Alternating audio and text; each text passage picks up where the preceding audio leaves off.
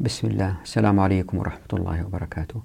هذه الحلقة 116 من قص الحق وهي الحلقة رقم 16 لتوضيح فصل ابن السبيل أعتذر عن التأخر لأكثر من عشر أيام في هذه الحلقة والسبب أنه آه، تتذكروا قبل عدة أشهر قلت آه، اختفيت أيضا فترة وقلت أني بأعيد كتابة كتاب Crisis in the Built Environment باللغة الإنجليزية. كنت اشتغلت عليه وخلصت. الآن أتى من التصميم فلازم أراجعه حتى أتأكد أنه ما في أخطاء. فأخذ آه، حوالي أسبوعين. فأعتذر عن هذا التأخير وزي ما أنتم شايفين هنا في الشاشة هذا الغلاف وأعتقد أنه أبيعوه في أمازون. هذه الحلقة والحلقات القادمة من فصل ابن السبيل تحاول تثير عدة قضايا كلها تتصل بالتنمية المستدامة sustainability كيف نوجد في الكرة الأرضية. مجتمعات لن تلوث الكرة الأرضية. فاللي صاير الآن في وضعنا الحالي ب آه، الحكم بالعقل البشري القاصر ظهرت مدن كبيرة باراسيتك مدن طفيلية تعيش على المناطق الأخرى حول زي القرى والأرياف. هذه المدن آه، فيها سياسيين اقتصاديين تستهلك أكثر مما تنتج. يعني هي عايشة طفيلية على المناطق اللي حولها تسحب الخيرات من المناطق اللي حولها عشان هي تعيش برفاه ورغد بينما المناطق الأخرى تعيش في وضع سيء. هذا يتطلب نقل المواد دائما من مكان إلى آخر. فمثلا العواصم ما فيها مياه يجيبوا لها مياه مناطق بعيدة. مثلا عواصم ما فيها من الأكل ما يكفي للسكان اللي يشتغلوا فيها يجيبوا الأكل من مناطق بعيدة. فإلا بيصير أنه عملية النقل هذه تؤدي إلى ظهور هذه المدن الكبيرة التي تؤدي إلى التلوث إلى الازدحام. فالعقل البشري أدى إلى هذه التركيبة لهذه المدن هل هذه التركيبة صح؟ ليه؟ لأنه مواضع الخيرات في الكرة الأرضية آه لا تعكس جدارة هذه المدن إلا آه هي عواصم أو مدن كبرى اقتصادية كيف الشريعة أوجدت منظومة مخصوصة الحقوق اللي هي حقوقية لا تؤدي إلى هذا الوضع يعني الحلقة هذه تركز على أنه كيف أنه الشريعة تسحب الناس إلى الخيرات وليس تسحب خيرات الناس للمدن. السائر الآن هو أنه المدن الرئيسية تسحب الخيرات من الناس إلى هذه المدن. الشريعة تسحب الناس إلى مكان الخيرات يعني العكس بالضبط. إيه هي الحركيات التي تؤدي إلى هذا؟ لأنه هذا يوفر الكثير من الهدر. المدن الحالية فيها هدر عالي جدا لأن الناس اللي بيشتغلوا فيها ما ينتجوا إنتاج فعلي هم ينتجوا إنتاج بيروقراطي إنتاج وهمي. وكيف أنه الشريعة تغطي هذا الفراغ اللي هو يعني هم يقولوا إذا ما في بيروقراطية آه إذا إذا إذا ما في بيروقراطية ستظهر الفوضى. يعني في العالم الغربي أما دولة تسود وبالتالي طبعا في ناس آه، ضد هذا الكلام في العالم الغربي لكن فعليا ما لهم تأثير. هم في الجانب النظري فقط الأكاديمي.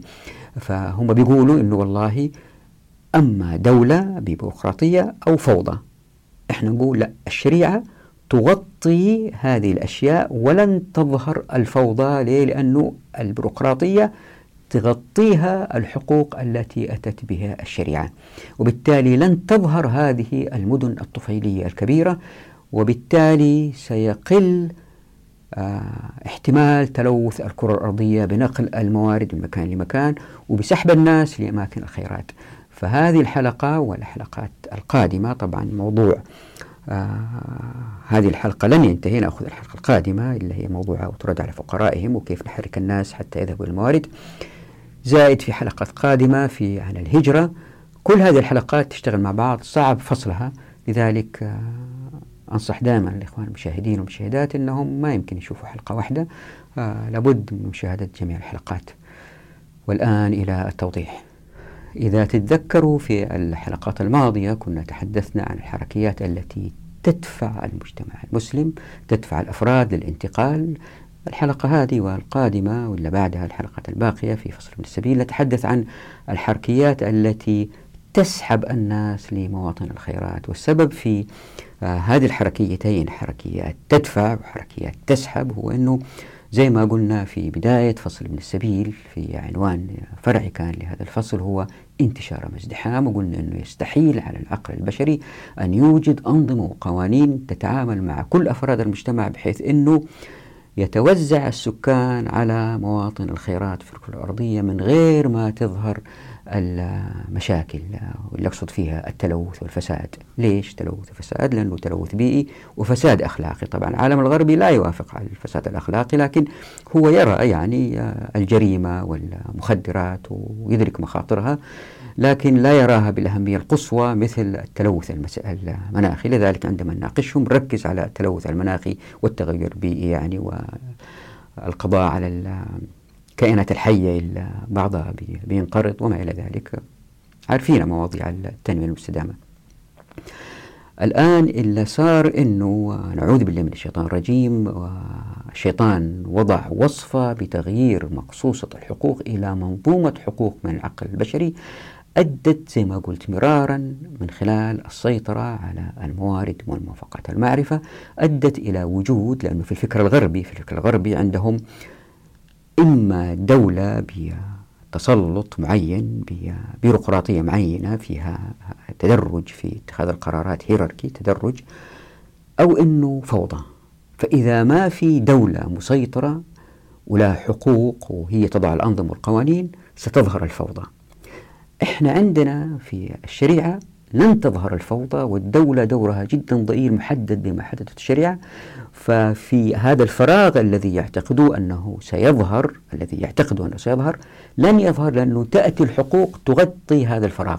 فالحقوق في الشريعة الإسلامية تملأ هذا الفراغ اللي هم يعتقدوه لأن هم لا ينظروا الحقوق في الحضارات الأخرى هم يوجد الحقوق بعد وضع الأنظمة والأنظمة توضع بعد الانتخابات فالذي يصل إلى سدة الحكم هم الذين يضعوا آه، من خلال الدساتير الأنظمة والقوانين وبالتالي الناس تعرف حقوقهم من خلال هذه الأنظمة والقوانين إلا دائما تتغير. فإلا صار أنه مع الزمن لأنه هذه الطبقة الحاكمة تسكن في المدن الكبرى ولأنه هذه الطبقة الحاكمة تضع الضرائب المكوس على الناس الجمارك تأخذ الخيرات لأنفسها من تحت الأرض وهي تبيعها. إلا صار أنه الإنفاق صار في المدن أكثر. فصارت المدن زي ما أنتم عارفين جذابة جدا لسكان الأرياف وذلك لسببين. السبب الأول هو أنه اللي يسكن في الريف آه، في النادر يجد عمل وإذا وجد عمل يعني هو بزرع بطاطس آه، بقدونس خربز وهذه لن تأتي بمال كبير. لكن لو كان هاجر المدينة واشتغل مثلا حتى حارس في عمارة راح يكون دخله تقريبا أكثر من أنه إذا اشتغل في القرية. فأين يعمل؟ بالتأكيد كل شاب طموح بالذات الشباب والشابات يعني في سن مبكر آه، بعد البلوغ مباشرة عيونهم تفتح الحياة يريد بهجة الحياة بالتأكيد سيهاجر المدينة. فصارت المدينة نقطة جذب لأنه فيها فرص عمل أكثر. هذا ما يعتقدوه بس بعد ما يأتوا المدينة الكل يأتي المدينة يجدوا أن فرص العمل أقل. ليه؟ لأنه المئات الألوف بيتزاحموا على بعض الوظائف. السبب الثاني لجذب المدينة للناس من الأرياف هو أنه بريق المدينة. المدينة لها بريق. يعني شاب يشوف صور الآن في الجوالات ولا إذا زار المدينة مرة واحدة بالتأكيد راح يرجع له يشوف مصعد كهربائي طالع 20 30 دور يقول أوف يا ريت نركب هذا المصعد.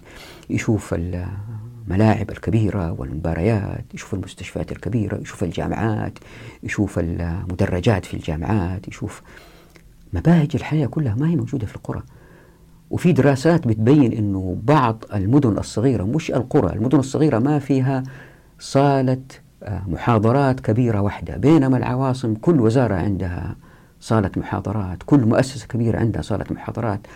أمسك أي عاصمة في العالم العربي بالذات الدول المتخلفة تجد أنه العواصم مقارنة بالقرى فرق شاسع.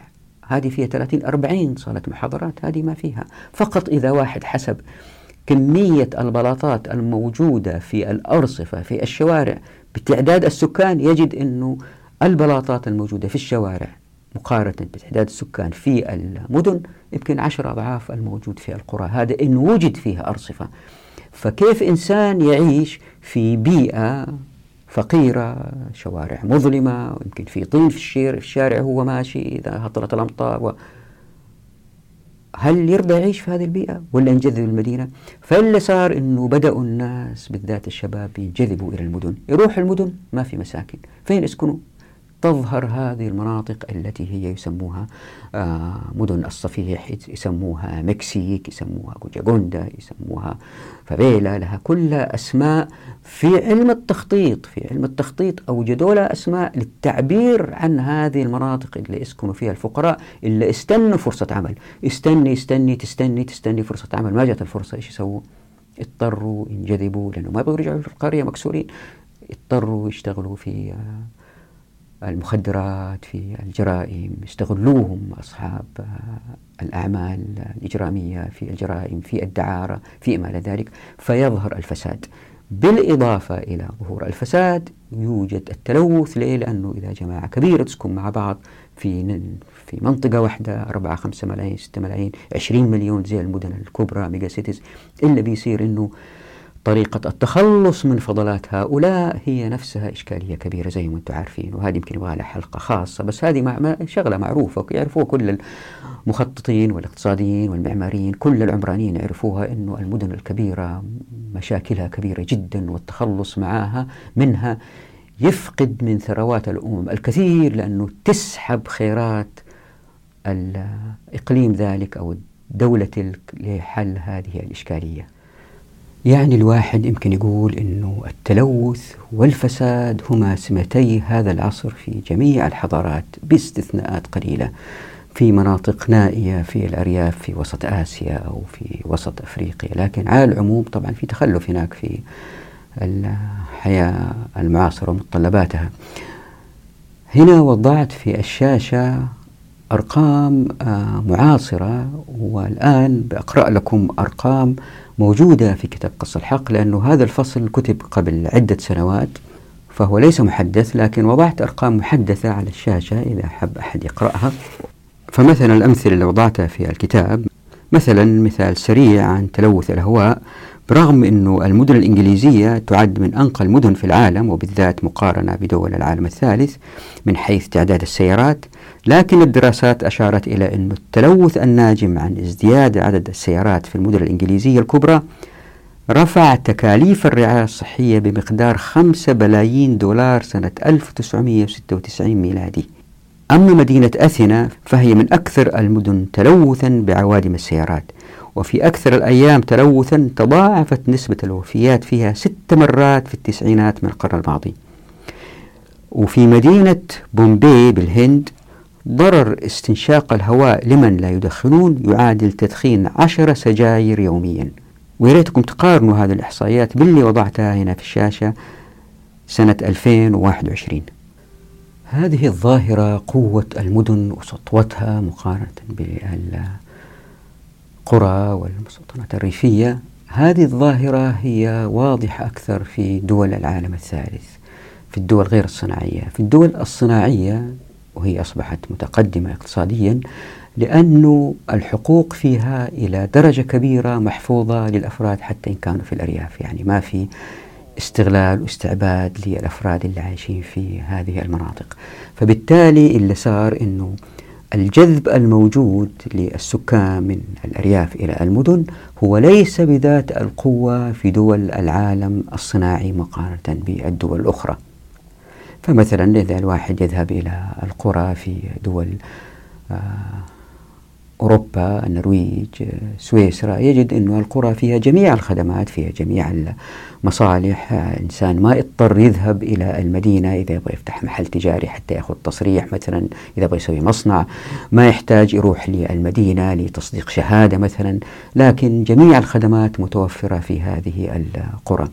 فاللي صار أنه فيها نوع من العدل أكبر. مع ذلك مع ذلك دائما أضرب هذا المثال هم في العالم الغربي زي واحد أعور مقارنة بالعالم المتخلف اللي هو أعمى. إذا طبقنا الإسلام في الحقوق نحصل على وضع ما هو أعمى ولا هو أعور واحد مفتح. فمع تطبيق الشريعة إن شاء الله بإذن الله في الحقوق إلا بيصير إنه هذه المدن التي يكون فيها الاستعباد لباقي المجتمع هذه المدن لن تظهر. فهذه المدن بيسووا فيها أندر جراوند السكك الحديدية تحت الأرض. بيسووا فيها مرافق كبيرة شبكات كبيرة للتخلص من الفضلات لجمع مياه الأمطار. جميع هذه الشبكات جميع هذه مكلفة جدا. فإلا صار أنه الأرياف أنجلدت من ناحيتين. أول شيء الناس هذول إلا في الأرياف وضعوا عليهم الضرائب وأخذوا أموالهم. هذه من ناحية. من الناحية الثانية لما أهل الأرياف نزحوا إلى المدن ما أعطوهم وظائف. فإلا صار أنه استعباد هذه الوصفة المثلى للاستعباد للبشر. يعني الناس الآن ما يعبدوا أصنام آه الشرك ما هو عبادة أصنام لكن عبادة الأفراد بعضهم لبعض ليس يسجد له ويصلي له لا. اسمع كلامه في كل صغيرة وكبيرة وهو مستعبد. فالمدن الآن تمثل في العالم الحالي سواء في العالم الغربي أو العالم المتخلف نماذج واضحة للاستعباد التي تجعل الأفراد ما يتوكلوا على الله هم دائما يبحثوا عن التوكل على غير الله في تخليص أعمالهم. واحد بكرة رايح لوزير حتى يطلب بعثة مثلا لابنه أو رايح لمسؤول في بنك مهم حتى يأخذ قرض. هم يرجوا مو من الله من هذا الشخص أنه تحل أمورهم. فكانت وصفة مثلى هذه المدن للخروج عن الحكم بما أنزل الله. طبعا لواحد غير مسلم ما يمكن يقتنع بهذا الكلام. إحنا نقول له لا أنظر إلى هذه المدن الكبرى هي فيها استنهاك للموارد وتخريب للكرة الأرضية. ليه؟ لأنه ما في اتزان بين موارد الكرة الأرضية والمناطق اللي يسكنوا فيها الناس. وهنا إذا تلاحظوا في الشاشة وضعت بعض الأرقام عن تكلفة توصيل المياه والكهرباء لبعض العواصم إلا ما فيها أصلا مياه حتى تكون عاصمة يعني هي في منطقة السكان اللي فيها بيستهلكوا أكثر بكثير مما الأرض تستطيع أن آه، تدعمه. الأرض اللي هم فيها تدعمه من حياة فبالتالي يجذب الخيرات من مناطق أخرى مثل المياه مثل الأكل مثل وما إلى ذلك. يعني عندنا مواقع جغرافية هذه المواقع لها إمكانيات وعندنا ناس أفراد بشر عندهم طاقات وإمكانيات. فما الذي فعلته الشريعة حتى توجد الاتزان بين مقومات الموقع الجغرافي وبين طاقات البشر لتتلافى الهدر والتمركز الاقتصادي والسياسي في مجتمعات استعبادية؟ الشريعة وضعت حركيات للحد من تفشي هذين السببين. أتذكر في البداية قلت أنه في سببين يسحب الناس المدن وهي توفر فرص العمل وأنه للمدينة بريق. فالشريعة وضعت حركيات للحد من تفشي هذين السببين أو حتى إيقاف حدوث هذين السببين وذلك عن طريقين. الأول هو إيقاف تسلط من في المدينة على غيرهم. والثاني منع ذهاب الأموال لأهل المدن. كيف؟ بالنسبة لإيقاف تسلط من في المدن على غيرهم هو موضوع هذا الكتاب. آه، تتذكروا تحدثنا في فصل الخيرات بأنه للناس الحق في الأخذ من المعادن وإحياء الأرض والإذن من السلطات. وهذه بعضها سيأتي تفصيلها في الحديث عن الفصل والوصل في حلقات قادمة إن شاء الله بعد فصل الشركة. أما بالنسبة لمنع ذهاب الأموال لأهل المدن هذا بالإضافة إلى حركية سنذكرها الآن في هذه الحلقة والحلقة القادمة سميتها وترد على فقرائهم وهذه أخذتها من الحديث الذي سيأتي توضيحه واللي تؤدي إلى جذب الناس لمواضع الخيرات في الكرة الأرضية من غير ذهاب الأموال للعواصم وهو ما نحن بصدده الآن. بالتالي لن تظهر المدن الجاذبة بسبب تراكم السلطة والمال يعني المال والسلطة ما يمكن يتراكموا في المدن الكبيرة لأن الشريعة فتحت أبواب التمكين في الموارد والموافقات والمعرفة. مثل ما ذكرت مرارا أنه طبيعة النفس البشرية في معظم الأحوال تتوق إلى السلطة وإلى المال وبالتالي تنجذب إلى موقع السلطة والمال وبالتالي المدن هذه الكبيرة هي التي تسحب الناس. وزي ما شفنا في التاريخ كسرى الإمبراطور الروماني ومن شابههم من الحكام في السابق يضعوا الضرائب المكوس على الناس في الأرياف وينفقوها في المدن وعلى الجند وعلى المقربين. بالتالي السلطة كانت تتمركز. هذا في الماضي يعني في نوع من الاستعباد من الماضي. تغير الآن وأخذ شكل آخر على شكل وزارات وبنوك وما إلى ذلك في المدن الحديثة. فدائما الإنفاق هو يأتي من خلال شفط من الناس يشتغلوا باستمرار وينفقوا الناس ما بيشتغلوا باستمرار بحجة أنهم بيسيطروا على الأمور بحجة أنهم ينظموا البيئة آه، بحجة أنه والله بيدافعوا عن الوطن بحجة أنهم والله بيوفروا تعليم بيدرسوا بيخططوا بي كل هذه حجج. الآن الإسلام له وضع مختلف تماما أنه الأموال لا تسحب من الناس زي ما تحدثنا في الفصول السابقة وتكلمنا في فصل الأموال ودولة الناس تحدثنا عن آية الصدقات والفيء والغنائم وقلنا أنه دائما إذا تتذكروا هي لأفراد وليست لمشاريع. الآن نأخذ تفصيلة هنا في هذه المسألة في مسألة الصدقات آيات الصدقات. إذا تلاحظوا في الآيات هذه الثلاثة أنه في مسألتين. من هم المستحقين؟ مسألة ثانية أين ينفق المال؟ بالنسبة خلينا نأخذ الآن آية الصدقات. من هم المستحقين؟ هم الأصناف الثمانية. تحدثنا عن ابن السبيل والأصناف الأخرى سيأتي الحديث عنها كل آه، مرة في آه، آه، موقعها عن الشخص هذاك مثلا. الغارم سنتحدث عنه إن شاء الله الفقراء سنتحدث عنهم سيأتي. الآن نبغى نركز على أين ينفق المال يعني أموال الصدقات أو الفيء. أين تنفق؟ الناس اللي يأخذوها هم أين؟ هنا في حديث مهم في صحيح البخاري لابد من الاسترشاد فيه جاء في صحيح البخاري عن ابن عباس رضي الله عنهما أن رسول الله صلى الله عليه وسلم لما بعث معاذا إلى اليمن قال إنك تقدم على قوم أهل كتاب فليكن أول ما تدعوهم إليه عبادة الله فإذا عرفوا الله فأخبرهم أن الله قد فرض عليهم خمس صلوات في يومهم وليلتهم. فإذا فعلوا فأخبرهم أن الله فرض عليهم زكاة من أموالهم وترد على فقرائهم. شوفوا وترد على فقرائهم يعني فقراء الناس اللي دفعوا الزكاة. فإذا أطاعوا بها فخذ منهم وتوق كرائم أموال الناس. وهذا حديث محوري ومهم ومن هذا الحديث من لفظه صلوات ربي وسلامه عليه وترد على فقرائهم كان في شبه إجماع بأن الزكاة التي تؤخذ من الأغنياء لابد وأن تعطى للأصناف الثمانية في نفس المنطقة. لحكم كثيرة يأتي توضيحها إن شاء الله. يعني حديث الرسول صلى الله عليه وسلم واضح.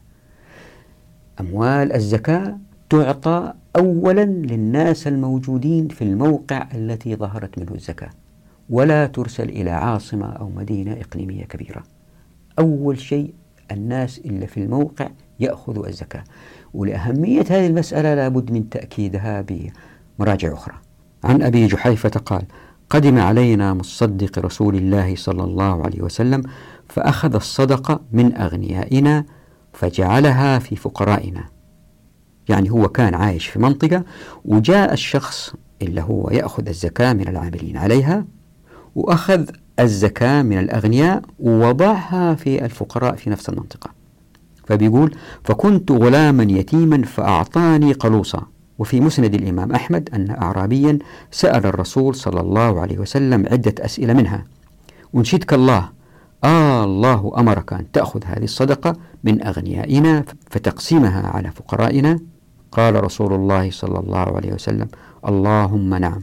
وعن عمرو بن ميمون عن عمر بن الخطاب أنه قال في وصيته أوصي الخليفة من بعدي كذا وأوصيه بكذا وأوصيه بالأعراب خيرا فإنهم أصل العرب ومادة الإسلام أن يأخذ من حواشي أموالهم فيرد في فقرائهم.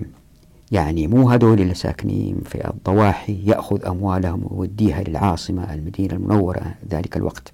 وجاء في مصنف ابن أبي شيبة عن عمرو بن مرة عن أبيه قال سئل عمر عما يؤخذ من صدقات الأعراب كيف يصنع بها؟ فقال عمر شوفوا هذه العبارة كيف حلوة. والله لأردن عليهم الصدقة حتى تروح على أحدهم ماء ناقة أو ماء بعير يعني إذا واحد أخذ من الصدقة ويمكن يغتني بعشرة أو عشرين ناقة عمر بن الخطاب رضي الله عنه وأرضاه قال ما راح أرجع الصدقة للمدينة حتى لو الواحد منهم أخذ مئة ناقة أو مئة بعير. شوفوا كيف التفكير والالتزام بسنة الرسول صلى الله عليه وسلم. ما قال والله عشرين ثلاثين ناقة تكفيهم يلا نجيب الباقي المدينة المنورة ونسوي فيها مشاريع وطرق. لا.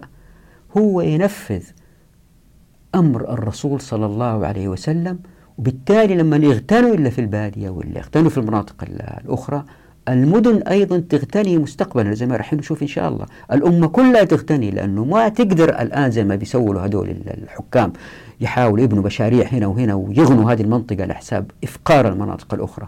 وجاء أيضا عن فرقد السبخي قال بعث معي بزكاة إلى مكة فلقيت سعيد بن جبير فقال ردها إلى الأرض التي حملتها منها. خلينا نتدبر أهمية هذه العبارة ردها إلى الأرض التي حملتها منها. وعن طاووس قال كان في كتاب معاذ من خرج من مخلاف إلى مخلاف فإن صدقته وعشره في مخلاف عشيرته. العشر تحدثنا عنه في الأموال سابقا. وطبعا طلاب العلم يعرفوا جيدا أن الآثار في هذه المسألة كثيرة جدا جدا جدا بالذات في كتاب الأموال لأبو عبيد. فبعد ذكر عدد منها يستنتج أبو عبيد قائلا والعلماء اليوم مجمعون على هذه الآثار كلها أن أهل كل بلد من البلدان أو ماء من المياه لأنه كانوا السكان يستوطنوا حول المياه أحق بصدقتهم ما دام فيهم من ذوي الحاجة واحد فما فوق ذلك. وإن أتى ذلك على جميع صدقتها حتى يرجع الساعي ولا شيء معه منها. شوف العبارة هذه كيف حتى يرجع الساعي ولا شيء معه منها. يعني أموال الزكاة تصرف في نفس المنطقة ما تروح مكان تاني ألين يغتالوا الناس في المنطقة.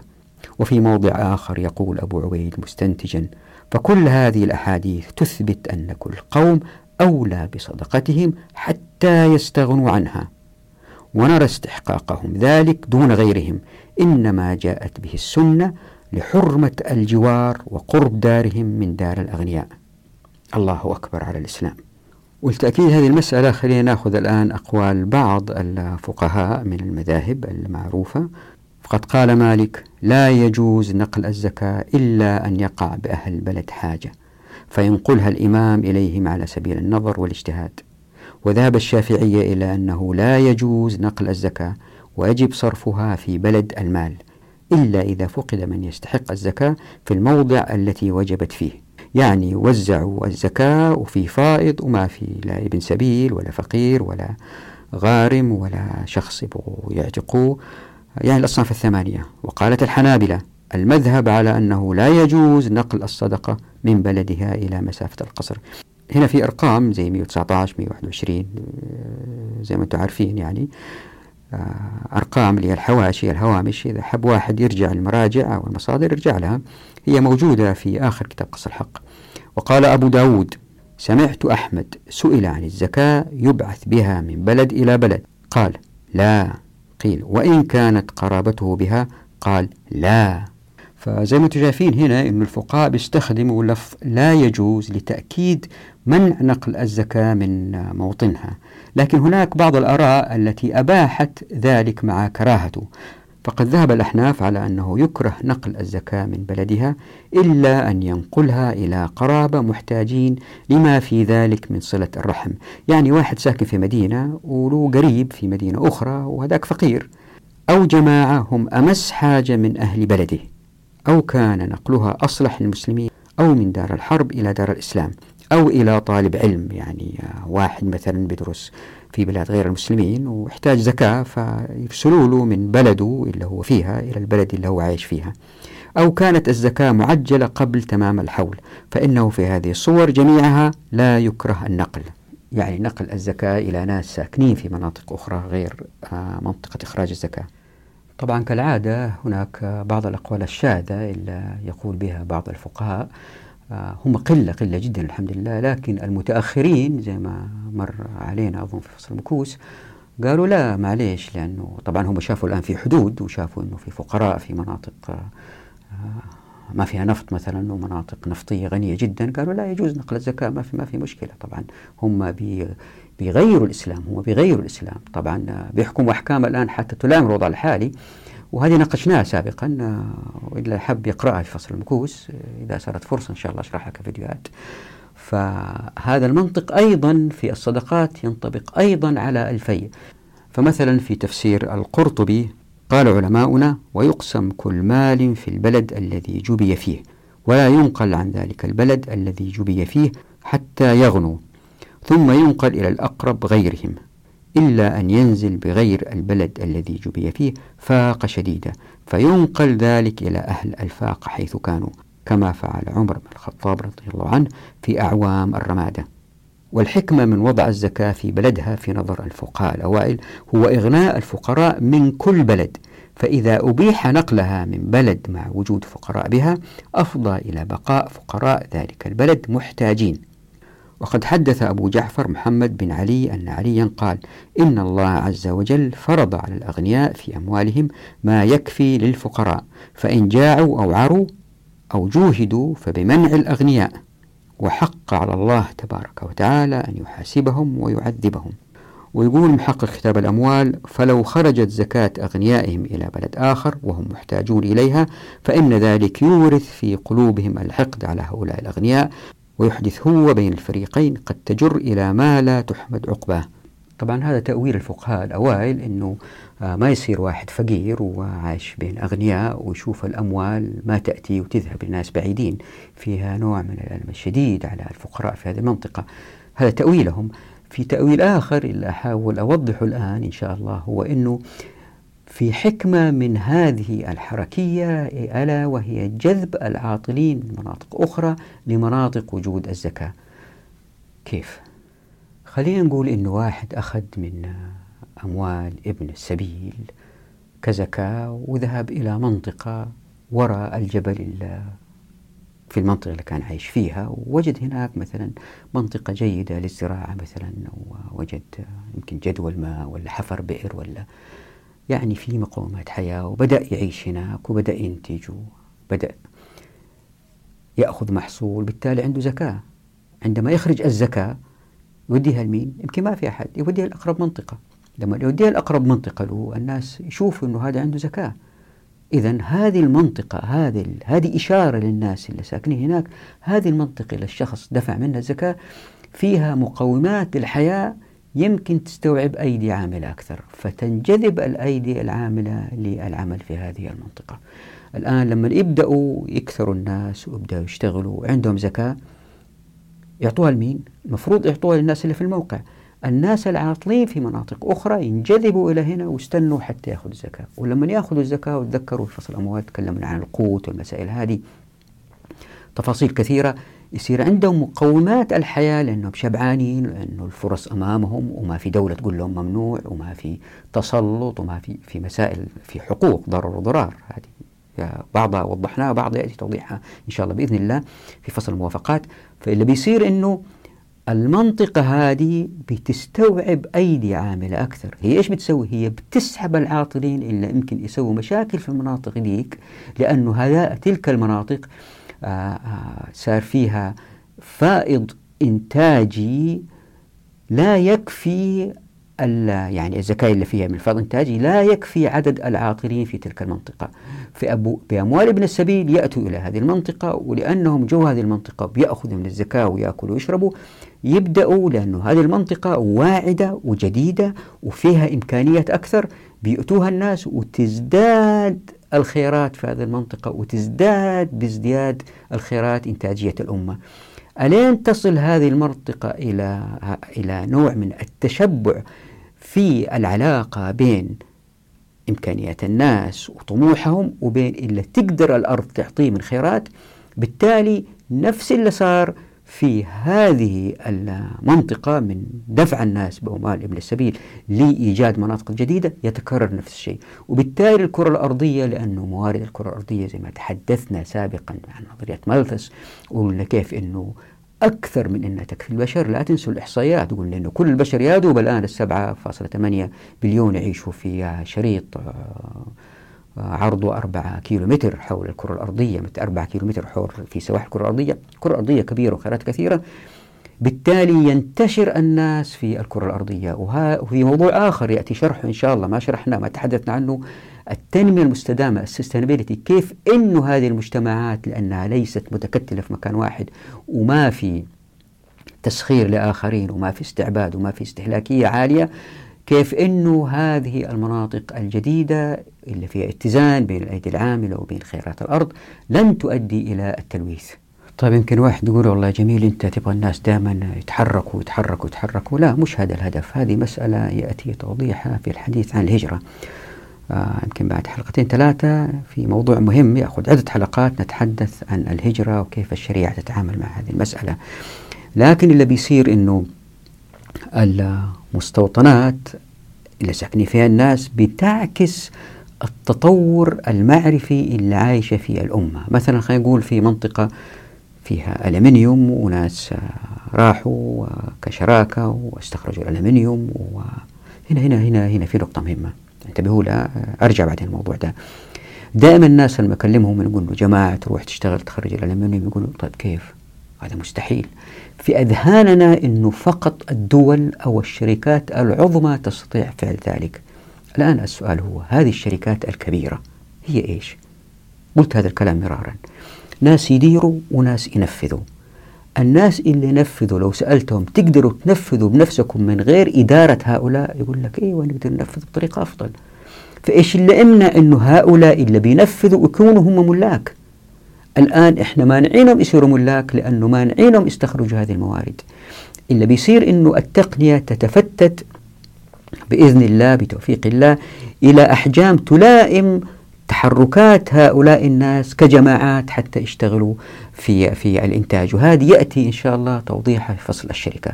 فقط أزيل هذا الالتباس من أذهانكم أنه لا تتوقعوا أنه يستحيل الناس يجتمعوا مع بعض كجماعات حتى يوجدوا هذه المؤسسات أو الشركات التي تستخرج المعادن. فاللي بيصير أنه الناس عندما يستخرجوا المعادن خلينا نقول ألمنيوم في منطقة معينة واستخرجوا واستخرجوا بدأت تأتي الأيدي العاملة وبدأوا يستخرجوا أكثر وأكثر اللي بيصير إيش؟ أنه قد يأتي يوم وتنضب هذه المادة. لكن في هذه المنطقة الآن مصانع وفي استثمارات أوجدوا. هل سكان هذه المنطقة صعب إهمالها وتركها؟ في هذه الحالة وهذه حالات نادرة يتم توريد المواد الخام لهذه المصانع لأنه الموارد الخام نضبت.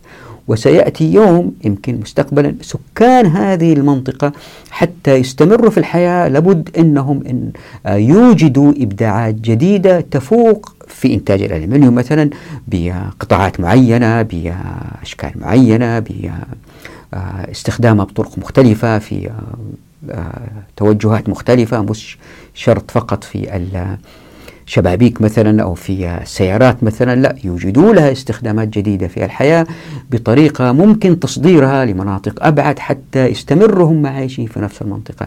ألين يأتي زمان ولن يستطيعوا فيه الاستمرار في هذه المنطقة وتكون المعرفة تقدمت ولأن هؤلاء متعلمين وعندهم مهارات عالية يكتشفوا موارد جديدة في مناطقهم أو بالقرب منهم. وبالتالي دائما كل مدينة لأن الناس مبدعين لأن الناس تذكروا. قلت هذه مرارا لأنه ما في حدود بين الدول والناس بيسافروا ولهم الحق انتقال مكان إلى آخر. يقعوا على الأشياء اللي يحبوها وبالتالي يكونوا مبدعين أكثر. فاللي بيصير أنه هذه المناطق يجب أن دائما تكون في وضع متحرك مش معتمدة على الدولة اللي هي تأخذ أموال الناس وفيها لا كفاءة عالية أدت إلى ظهور هذه المدن المركزية في العواصم اللي هي باراسيتك اللي هي تعيش طفيلية على المجتمع والمجتمع أفراده معظمهم فقراء. إحنا عايشين الآن في وضع صعب جدا تقبله أفراد فقراء. أفضل مثال على كده ذاك اليوم شفت تقرير لا أريد ذكر المدينة حتى سكان المنطقة ما يزعلوا مني. دولة فيها فوسفات في شمال أفريقيا المناطق اللي استخرجوا منها الناس الفوسفات اللي بيشتغلوا بأيديهم لا يملكوا الفوسفات الفوسفات. ما يبيعوه. الدولة هي اللي تبيع الفوسفات والناس اللي في العاصمة مستمتعين بهذه الأموال على حساب هؤلاء اللي بيتعبوا. وهذه المناطق اللي هي بتستخرج الفوسفات واللي هي الخير فيها ما فيها مدارس ما فيها مستشفيات ما فيها أرصفة ما فيها آه، إضاءة في الشوارع. وتلك المنطقة اللي ما تستخرج هي العاصمة هي فيها معظم هذه المستهلكات الترفية مقارنة بهؤلاء السكان اللي يكدحوا ليل نهار. سكان هذه المنطقة اللي بيستخرجوا هذه الموارد. إذا كانوا هم الملاك راح ينفقوا الأموال في مناطقهم وراح تأتي أيدي عاملة أخرى في هذه المنطقة وهذه المنطقة لا تزدهر أي بس في استخراج الفوسفات ولكن أيضا في تصنيع الفوسفات وفي تصديره كمادة مصنعة جاهزة فيزداد سكان الموقع قوة على قوتهم. يعني باختصار هذا موضوع ما انتهى يطول لكن فقط أذكركم أخيرا بهذا الأثر الذي يؤكد كيف أن سكان المنطقة يزدادوا ثراء بإعطائهم الزكاة لأنهم في نفس المنطقة. فلنتأمل الآتي من كتاب الأموال فعن ابن جريج قال أخبرني خلاد أن عمرو بن شعيب أخبره أن معاذ بن جبل لم يزل بالجند إذ بعثه رسول الله صلى الله عليه وسلم إلى اليمن حتى مات النبي صلى الله عليه وسلم وأبو بكر. ثم قدم على عمر فرده على ما كان عليه فبعث إليه معاذ بثلث صدقة الناس. يعني معاذ بن جبل أرسل إلى عمر بن الخطاب رضي الله عنه ثلث الصدقة. فأنكر ذلك عمر وقال لم أبعثك جابية ولا آخذ جزية. شوفوا الكلام كيف. يقول له أنا ما أرسلتك هناك عشان تأخذ من الناس فلوس ترسل لي هي ولكن بعثتك لتأخذ من أغنياء الناس فتردها على فقرائهم. فقال معاذ ما بعثت إليك بشيء وأنا أجد أحدا يأخذ مني.